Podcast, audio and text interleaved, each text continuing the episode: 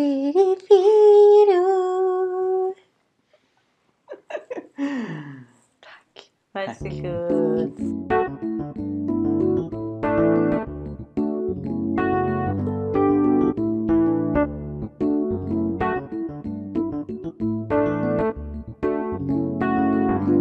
Guten Tag. Varför det? Wir sprechen auf Bruderhof, ja? Sehr gut. Es ist eine deutsche äh, Röhrung. Välkomna till Jesusfolket. Välkomna. Mitt namn är Mikael. Jag heter Sara. Och var befinner vi oss? Vi befinner oss i Battle Center i London. Coolt! Vad är Battle Center? Battle Center är en kommunitet i centrala London. Ett före detta kloster. Väldigt cool byggnad alltså. Mm. Eh, och det är en av Jesus Armys kommuniteter. Jag hoppas det. Eh, men den ska vi inte prata om. Eh, för vi var en annan kommunitet idag. Mm. Som har sitt ursprung i Tyskland. Därav den tyska hälsningen Mm. i början. För att vi är smarta när vi inleder våra poddavsnitt. Bruderhof. Tyska för brödraskap. Väldigt intressant rörelse. Mm. Skulle du, Sara, i korta drag vilja beskriva vad Bruderhof är för något? Ja, det är en rörelse som startade på 20-talet Mm. i Tyskland. Ja, jo. Ja. Det, Och sen så fick de fly ganska snabbt. Tyskland typ fem gånger. Så, ja, sen så Tyskland. fick de fly ganska snabbt. Jo, nej, men- Under andra världskriget mm, fick de fly till England först England, och sen Paraguay. Paraguay. För Par- Paraguay var eh, egentligen det enda landet i världen nästan som ville ta emot tyska flyktingar. Mm. Eh, England ville inte ha massa tyskar när de eh, satte igång och kriga. På grund av eh, tysk, tysk rasism. Och risken för tysk espionage. Men säkert mycket rasism också. Mm, ja. Skulle jag kalla det ändå. Mm. Ehm, och det var ju väldigt fascinerande eh, ehm, Tom Kleinahasser eh, som... Alltså Mikael, du ser ut som en tant på den här sidan. Okej, Ser du? Det är som en... ja, men jag får det. Varför får Eller? du det? Nähä, okej. Jag vill inte släppa ut det. Okej.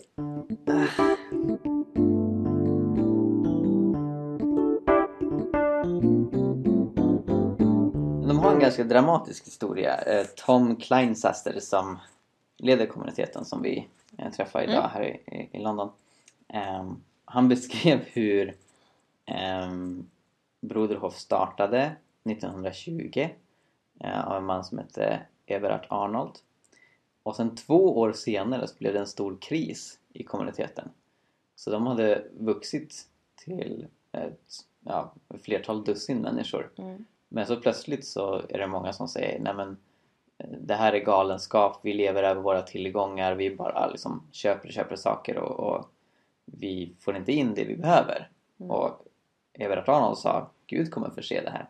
Men eh, de protesterade så då reducerades de till bara sju personer. Mm. Men sen så fortsätter de att, att gå på det eh, de var övertygade att Gud hade kallat dem till. Så de växte till 200 personer. Everard Arnold dog 1935 och 1937 så flydde de till England. Mm. För då hade nazistpartiet verkat som regering ett flertal år och de fattade att det här är inte bra för oss. Mm. Det ska också tilläggas att de var pacifister. eh, Och fortfarande Precis. är pacifister. Mm. Vilket var väldigt kontroversiellt i Nazityskland, eh, Precis. milt sagt. Och det här är en anabaptistisk rörelse. Vad innebär det? Jo, det innebär till exempel att de är pacifister. Mm. Till exempel att man tror på vuxendop Mm. snarare än barndop. Ehm, till exempel att man betonar enkelhet Mm. och eh, väldigt social rättvisa betonande. Mm. Ehm, och att man led väldigt mycket förföljelse Mm. Anabaptismen uppstod ju redan på 1500-talet. samtidigt som Luther. Typ. Ja, exakt. exakt. Ja. Och tyvärr så förföljdes de av både katoliker och lutheraner. Ehm, på grund av... ehm, Vuxendop. ja, men också att de var för religionsfrihet. De var Mm, kritiska mot precis. statskyrkosystemet. Mm. Medan det, den dominerande tankegången hos både katoliker och lutheraner och även kalvinister, vilket är en annan del av protestantisk kristendom, var att du väljer inte om du blir kristen eller ej. Mm. Du är kristen om du tillhör ett kristet rike. Mm. Eh, och då sa anabaptisterna nej. Eh, tro är personligt. Du kan välja att följa Jesus eller att inte göra det. Mm. Vilket är eh, den dominerande synsättet idag. Och religionsfrihet accepteras som en mänsklig rättighet. Men då var det kontroversiellt. Precis. Men i vilket fall, om vi eh, spolar tidsmaskinen tillbaka till 19, 1900-talet, eller ja, idag. Eh, så finns Broderhof i, i fem länder. Eh, det är då eh, USA, dit de flesta flyttade efter att de hade varit i Paraguay. Men det finns någon kommunitet kvar i Paraguay. Mm. Det finns då här i Storbritannien, I Kanada. i Kanada och i Tyskland. Ehm, och alla, alla de ungefär 2700 människor som tillhör den här rörelsen globalt lever i egendomsgemenskap med varandra. I kommunitet. Precis. Mm. Ehm, och det är, en, det är en fullständig egendomsgemenskap. Så de, de delar allt. Mm. Ehm, Ingen har någonting eget. Nej. Och ehm, så ser det även ut i, i Jesus Army. Mm. Att här är också fullständig egendomsgemenskap. Men en stor skillnad är att medan ungefär 80% av Jesus Armys medlemmar inte eh, lever i kommunitet så eh, är den siffran ungefär 1 till 0 procent Mm. i Broderhof. Det vill säga att vara medlem i kyrkan är att också vara medlem i kommunitet och vara Mm. en del av egendomsgemenskapen. Mm. Mm, vilket är fantastiskt tycker jag. Mm. Eh, och väldigt utmanande. Mm. För då, det innebär ju att ingen bland dem är fattig. Mm. Eh, det innebär att fattiga människor ehm, som ehm, är övertygade om att det här, det här är rätt sätt att leva och det de, det de predikar är min tro också. Mm. Ehm, kan, kan gå med där och bli fri eh, från sin fattigdom. Får, får tak över huvudet, får mat Mm. och allt man behöver. Mm.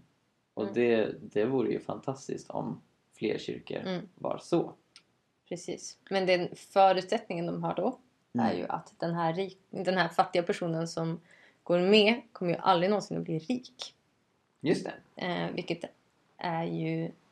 Alltså, samhället vill ju gärna att vi ska sträva efter att bli, efter att bli rika. Mm. Eh, och både ri, rika som fattiga strävar mycket efter det. Mm. Eh, men att gå med i en sån här rörelse så, så tackar man nej till det. Och väljer att leva i enkelhet. Inte i fattigdom, men i enkelhet. De har allt Mm. de behöver. Mm. Eh, men inte så mycket mer. Helt enkelt. Precis. Precis. Mm. Ehm, jag har ju nu spenderat vad är det, sju, åtta månader i Jesus Army. Ehm, du har varit ehm, här i två månader. Mm. Men det är ju mycket Jesus Army som vi har egentligen mest erfarenhet av när det gäller kommunitetsliv. Det är liksom vår referenspunkt. Ja, vi har sett mycket bra i Jesus Army Mm. men också mycket vi är kritiska till. Mm. Ehm, så vi kom till Broderhof mycket med jämförande glasögon Mm, på. precis. Och eh, Och försökte ta del av deras erfarenhet som vi tror att de, att de i Jesus Army inte har. mm, precis. Mm. Ehm, och det, det finns några statistiska skillnader som är väldigt signifikanta. det var nog den tråkigaste meningen jag, yt- jag yttrat den här veckan. Finns statistiska skillnader som är signifikanta? Det lät som en C-uppsats. Varsågod! Eh, I vilket fall, förutom det vi redan har nämnt med att um, ungefär en femtedel av Jesus Armys medlemmar lever i kommunitet mellan 100% i Broderhof så finns det också en dramatisk skillnad i hur många som väljer att lämna egendomsgemenskapen. Eh, de flesta som har gått med i kommuniteten i Jesus Army har lämnat. Ehm, och, från att på i, början av 80-talet så var 80% av rörelsens medlemmar med i kommuniteten och det förväntades egentligen att de som inte var det skulle gå med efter ett tag. Ehm, idag så är, det, så är det det omvända.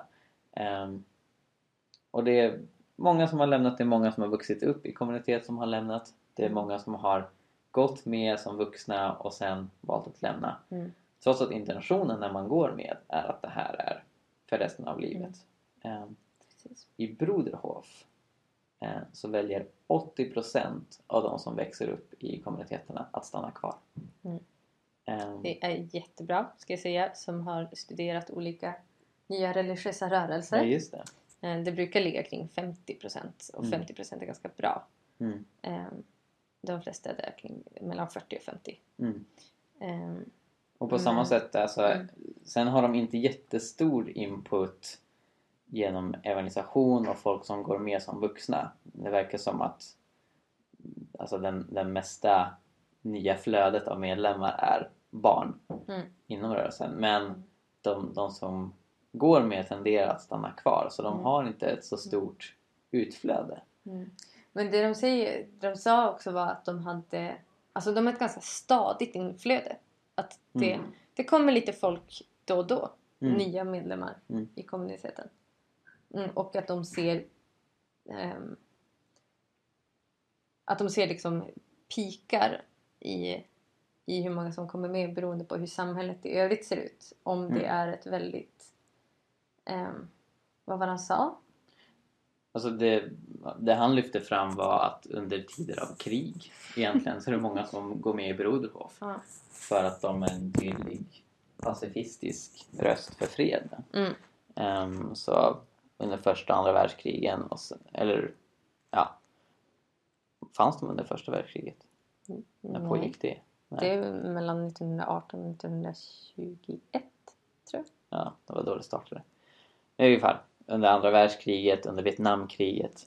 Mm. Ehm, och Tom gissade att det kommer ske ett uppsving ganska snart för han tycker att den tidsålder vi befinner oss i just nu Mm. är väldigt orolig. Mm. Ehm, så det var en ganska intressant observation. Mm. Verkligen.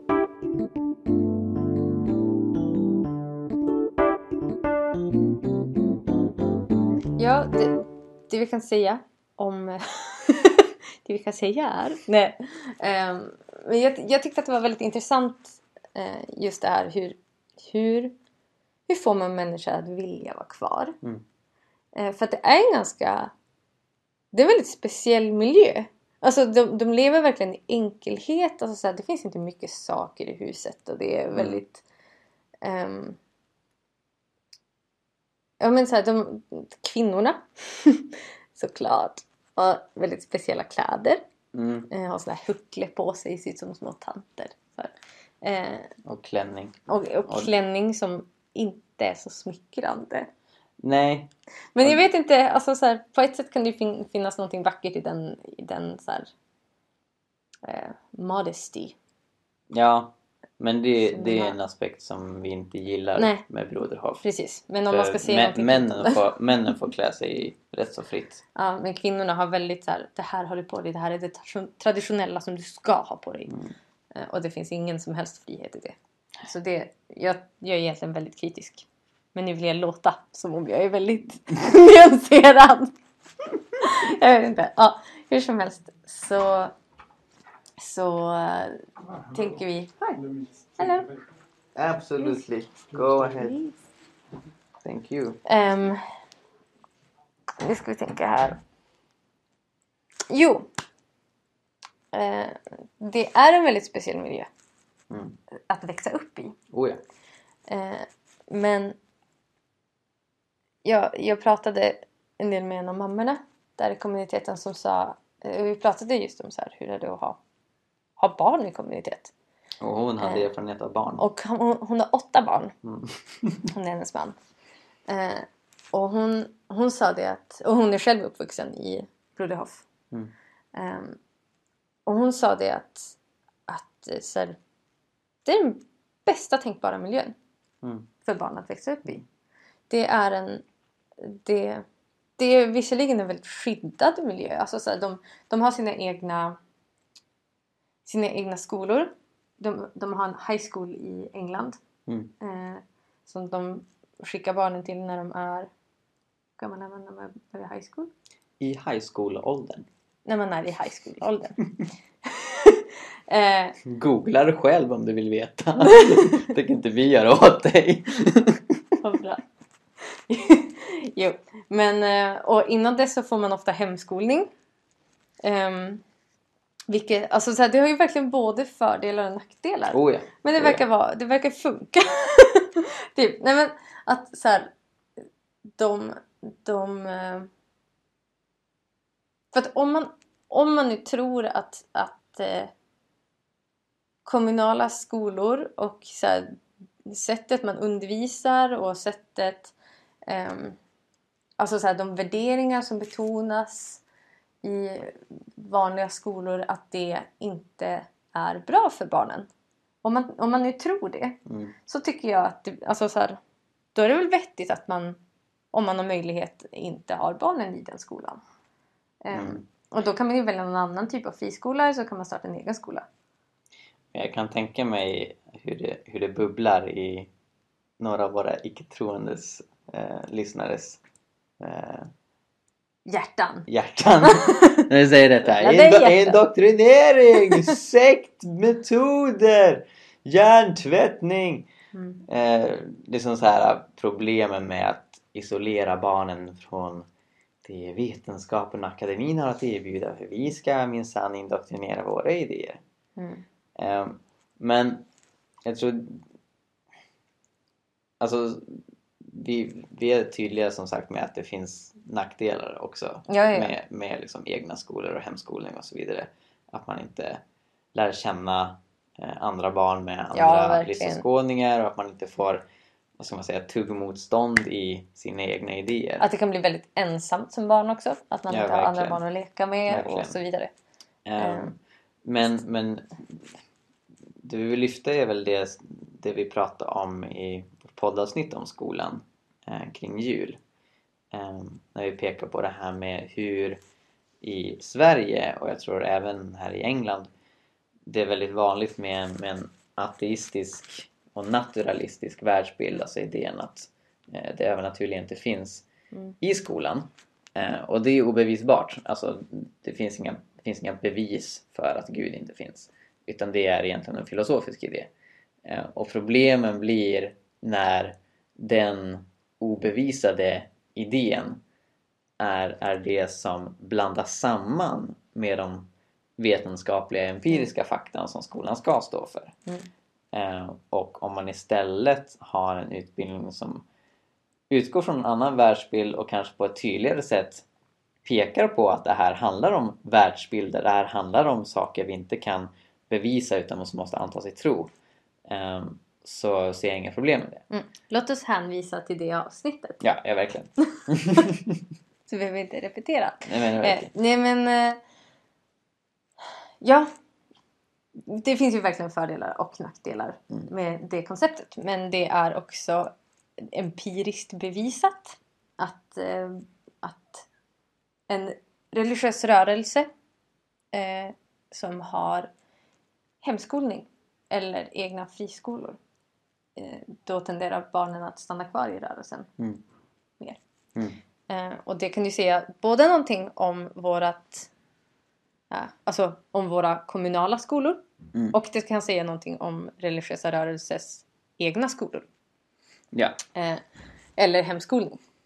Eh, men det, det är i alla fall intressant tycker jag och, och att de har en de betonar att de värderar barnen väldigt högt. Att Mm. barnen får snabbt en, en plats och de får veta att de är värdefulla, att de är viktiga och de får ehm, uppgifter och eh, ja, men så här, de, de får hjälpa till om de vill. Men så, så sa hon också att, att vi att de så här, betonar att, att ehm, barn ska få vara barn. Mm. Att så här, de har från ganska tidigt på morgonen till klockan typ 12-1 eller fram till lunch så, så har de så har de undervisning. Eh, men sen efter det, hela eftermiddagen, då ut och lek. Typ. Mm. Ehm, och att man verkligen värderar den tiden högt. Mm. Att barn behöver få leka. Det ska inte vara någon all, något allvar den tiden. Utan det, det är bara lektid. Mm. I flera timmar per dag. Jättebra. Ja, jag tyckte det var fint. Ja. eh, men... Ja, Och, och till er som fortfarande tänker att det här är liksom religiös indoktrinering. Låt mig utmana det genom att ge er tankeexperimentet att ni bor i ett land där eh, islam är dominerande till exempel, eller buddhism och alla skolor runt omkring är religiösa. Eh, skulle ni då inte vilja eh, ge undervisning till era barn som är mer sekulär, så att säga? agnostisk. Agnostisk. Ja, precis. Och, och, Mm. och det är egentligen eh, den viljan som då de här kristna Mm. föräldrarna uttrycker också. Att de ser liksom det, det dominerande utbildningssystemet har en, en ateistisk Mm, världsbild invävd i sig. Mm. Vi menar som kristna att den kristna världsbilden är Mm. eh, sann. Eh, och det är liksom från, från det perspektivet som vi förstår fakta bäst. Och utifrån den övertygelsen så vill man då ha egen undervisning. Mm. Det tror jag kan hjälpa oss förstå viljan av att eh, Mm. ge sån utbildning till sina barn. Precis. Ja. Och sen något annat som jag tyckte var väldigt utmanande. Eh, som jag, jag tror att få kristna föräldrar gör i övrigt. Eh, det är att de faktiskt uppmanar sina barn att ut och leva lite. Ja, precis. Eh, så här, nu, nu lämnar du kommunite- kommunitetslivet ett tag och så är du ute och lever lite. Mm. Sen får du välja om du vill komma tillbaka. Det är helt upp till dig. Mm. Vi älskar dig ändå. Precis. Eh, Och då är det ju verkligen inte så här, typ, är vi klipper av relationen med dig om du inte kommer tillbaka. Utan det är verkligen så här.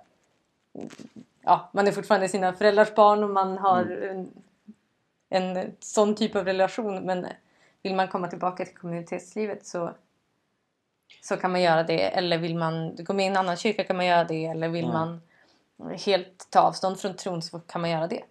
Ja, intressant nog, bland de här 20 procenten ish eh, som väljer att inte leva i kommunitet så sa Tom att det är väldigt många av dem som säger nej till kristendomen överhuvudtaget. Det Så är väldigt många av dem som säger, nej till kristendom.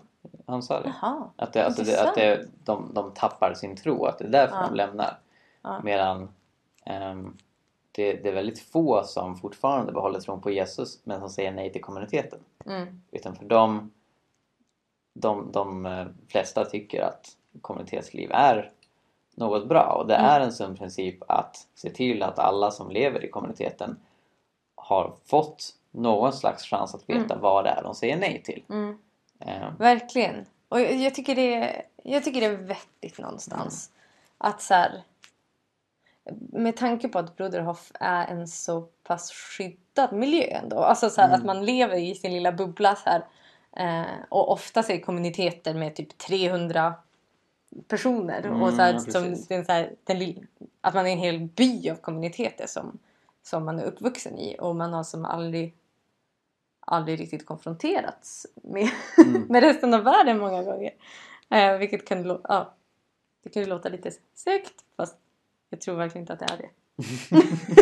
men men, eh, ja, men jag, jag, tycker det jag tycker det är vettigt någonstans att de så här, knuffar ut dem i världen Mm. ett tag. Mm. Eh, och så är de välkomna tillbaka, men bara om de vill. För de betonar verkligen att det måste vara från hjärtat. Mm. Att det så här, vi, vi vill inte ha några som är här bara för att de känner att de måste. Utan vi vill att ni ska ha valt det själva. Mm. Eh, och eh, vill älska det här livet.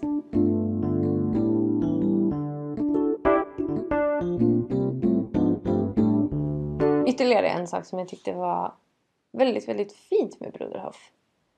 Att de verkligen låter sig utmanas av Bibeln. Mm. Alltså att de, att de läser Bibeln och inte bara typ hm, hur ska vi reflektera kring det här och göra någon slags teologisk slutsats. Eh, utan att det är verkligen så här, hur lever vi det här? Mm. Precis. Eh, och de, de utmanade oss att så här, Eh, för att det är så vanligt att man, att man i kyrkan mycket predik- predikar Paulus, Paulus ord i breven Mm. och så för att de är lite mer, de stryker lite mer medhårs. Mm. Eh, eller att man väljer ut så här, vissa delar av Jesu undervisning. Mm. Men att, så här, att våga predika och våga utmanas av allt det som Jesus säger, för han är ändå Mm. Jesus. Ja. Ehm, och att våga utmanas av allt det. Och det tyckte jag blev så tydligt att det har de verkligen gjort. Eh, ja, verkligen den här frågan, hur lever vi, hur hela friden ska vi leva ut hela evangeliet? Mm. Eh, hur, hur lever vi pacifism i vardagen? Mm. Ehm, ja, och så vidare. Mm. Mycket intressant. Och då tar det sig väl kanske uttryck som jag... Alltså, om det var jag som tolkade Bibeln hade jag kanske inte satt på kvinnor huckle och eh, sagt åt dem att ha på sig fulla klänningar. Men ja, jag hade nog tolkat det på ett helt annat sätt. Mm. Ganska mycket. Mm. Men jag tycker ändå att det är en fantastiskt vacker strävan. Mm. Att leva ut det och inte bara prata om det. Precis. Vilket vi är väl- väldigt, väldigt duktiga på att göra i kyrkan. Ja. Att bara prata om det. Ja, exakt. Ett sånt här väldigt radikalt Jesusord eh, Mm. från Lukas 14.33.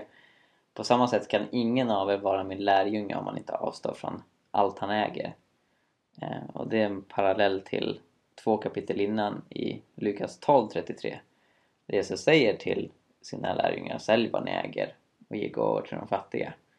Ehm, och sen i Apostlagärningarna så ser man att den processen av allsäljande leder till egendomsgemenskap. Leder till att ingen behöver lida nöd. Så som jag förstår um, Lukas 14.33 i sin kontext så är det inte suicidal nudism att man ska göra sig av med 100% av alla ägodelar och gå runt naken och svälta sig till döds. Mm. Utan det är ett kall till egendomsgemenskap att det man ger upp är all personlig egendom. Mm. Man avstår Precis. allt man själv äger.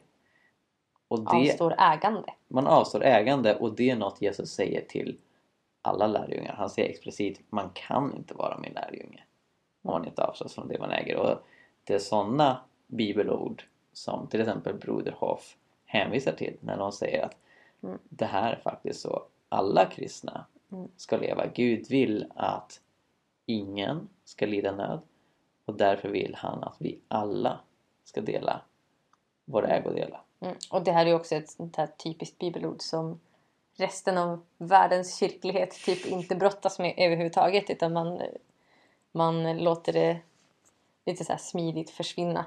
Mm. Ja, verkligen. Verkligen. Och jag minns hur jag själv eh, som nykristen stötte på Jesu undervisning om att sälja allt man äger. Mm. Och automatiskt tänkte men det här måste vara bildligt.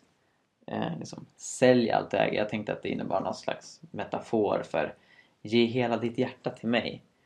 Mm. För att jag liksom automatiskt antog att det här, det här kan inte innebära någon liksom radikal undervisning som vänder upp och ner på mitt liv. Mm. Men sen förstod jag att det går inte att ge pengar till de fattiga bildligt. För det är det han säger. Sälj allt äger ge pengar till de fattiga. Liksom, gå till en fattig person och säga Hej, här får du lite pengar inom citationstecken för att du ska få mat inom citationstecken. Utan det Jesus ger är en riktig praktisk uppmaning att göra sig av med personliga ägodelar Mm. för att istället leva i enkelhet och hjälpa de fattiga. Mm. Precis. Mm, så det var en väldigt bra utmaning som de gav oss. Och det är fint när man får sådana utmaningar från människor som faktiskt har mandat att ge det för de lever så själva. Exakt. Det blir på ett helt annat sätt då tycker jag. Eh, Mm. Och de sa även att vi bör vara villiga att dö för vår Mm. tro. Precis, någonting som de själva har fått uppleva genom förföljelse och så. Mm. Eh, Att de, deras rörelse, alla som var med från början har verkligen var, blivit tvungna att vara villiga att dö för deras över, övertygelse. Mm. Mm.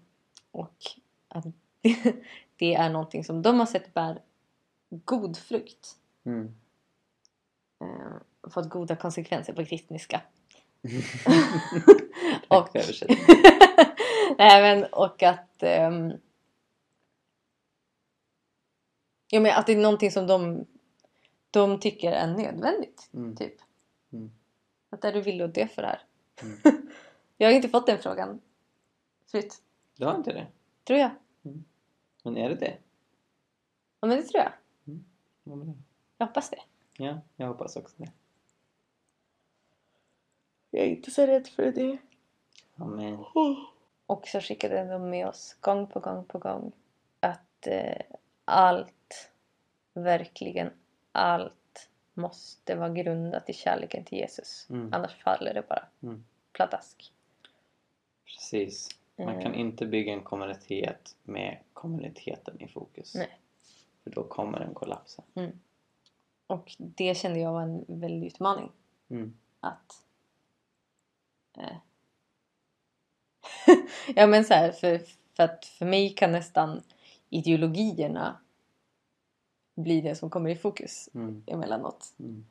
Eh, men att så här, ah, återvända till det som faktiskt är kärnan. Och det är Mm. att älska Jesus. Mm. Älska Jesus, älska varandra och låta det, det komma ut, till uttryck i kommunitet och egendomsgemenskap. Precis. Och det måste vara den ordningen. Att det är ett resultat snarare än ett mål. Mm. Att Precis. en konsekvens. Någonting som bara växer, växer fram Precis. som en frukt. Ja. Som en kiwi. Och med de orden så avslutar vi dagens poddavsnitt. Tack! tycker jag. Eh, Broderhoff hittar ni på nätet. För Mm. att vara en liten gammaldags rörelse med hucklen så har de en förvånansvärt aktiv internetnärvaro. Mm. De har Ganska aktiv... snygg hemsida måste jag säga. Ja, snygg hemsida, eh, flitigt uppdaterad blogg, Youtube-kanal, Facebook, Mm. podcast. Mm. Eh, Så om, om ni är intresserade av vad de ägnar sig åt och jag kan Mm. personligen rekommendera eh, Charles Moores artiklar på hemsidan om just Community of Goods. Precis. Eh, han skriver väldigt bra om det. Mm. Man kan få gratis böcker. Ja, det kan man. Kan man få. Vi har fått eh, sex, Sju? sju stycken. Sju ja, stycken. Precis. Som de bara dumpar Ta de böcker ni vill! va? Oj! Ja, det, det, det är ganska häftigt. Så ni kan beställa från deras eh, eh, publiceringshus Plau. Mm. Eh, ja, och eh, vad gäller vår podcast, glöm inte att prenumerera på den. Ja, För det, det gillar vi. Mm. Ja. Varför, varför kritiserar du min marknadsföring? Ja. Det är jag. Ah, Det är för att du plockar fram Det, reklamresten. men det är jag som är, tar ansvaret för att vi ska växa Ja, och bli en bra. stor mediarörelse som sprider kristendom Tar över världen. runt jorden och gör dig till världsdiktator. Tack. Så Det där var det ironi. Det där var ironi. Bara så att alla vet och inte blir förvirrade. Ja, bra att du betonar det. Mm. I vilket fall, Gud välsigne er. Ha en fin vecka. Adios. Adios!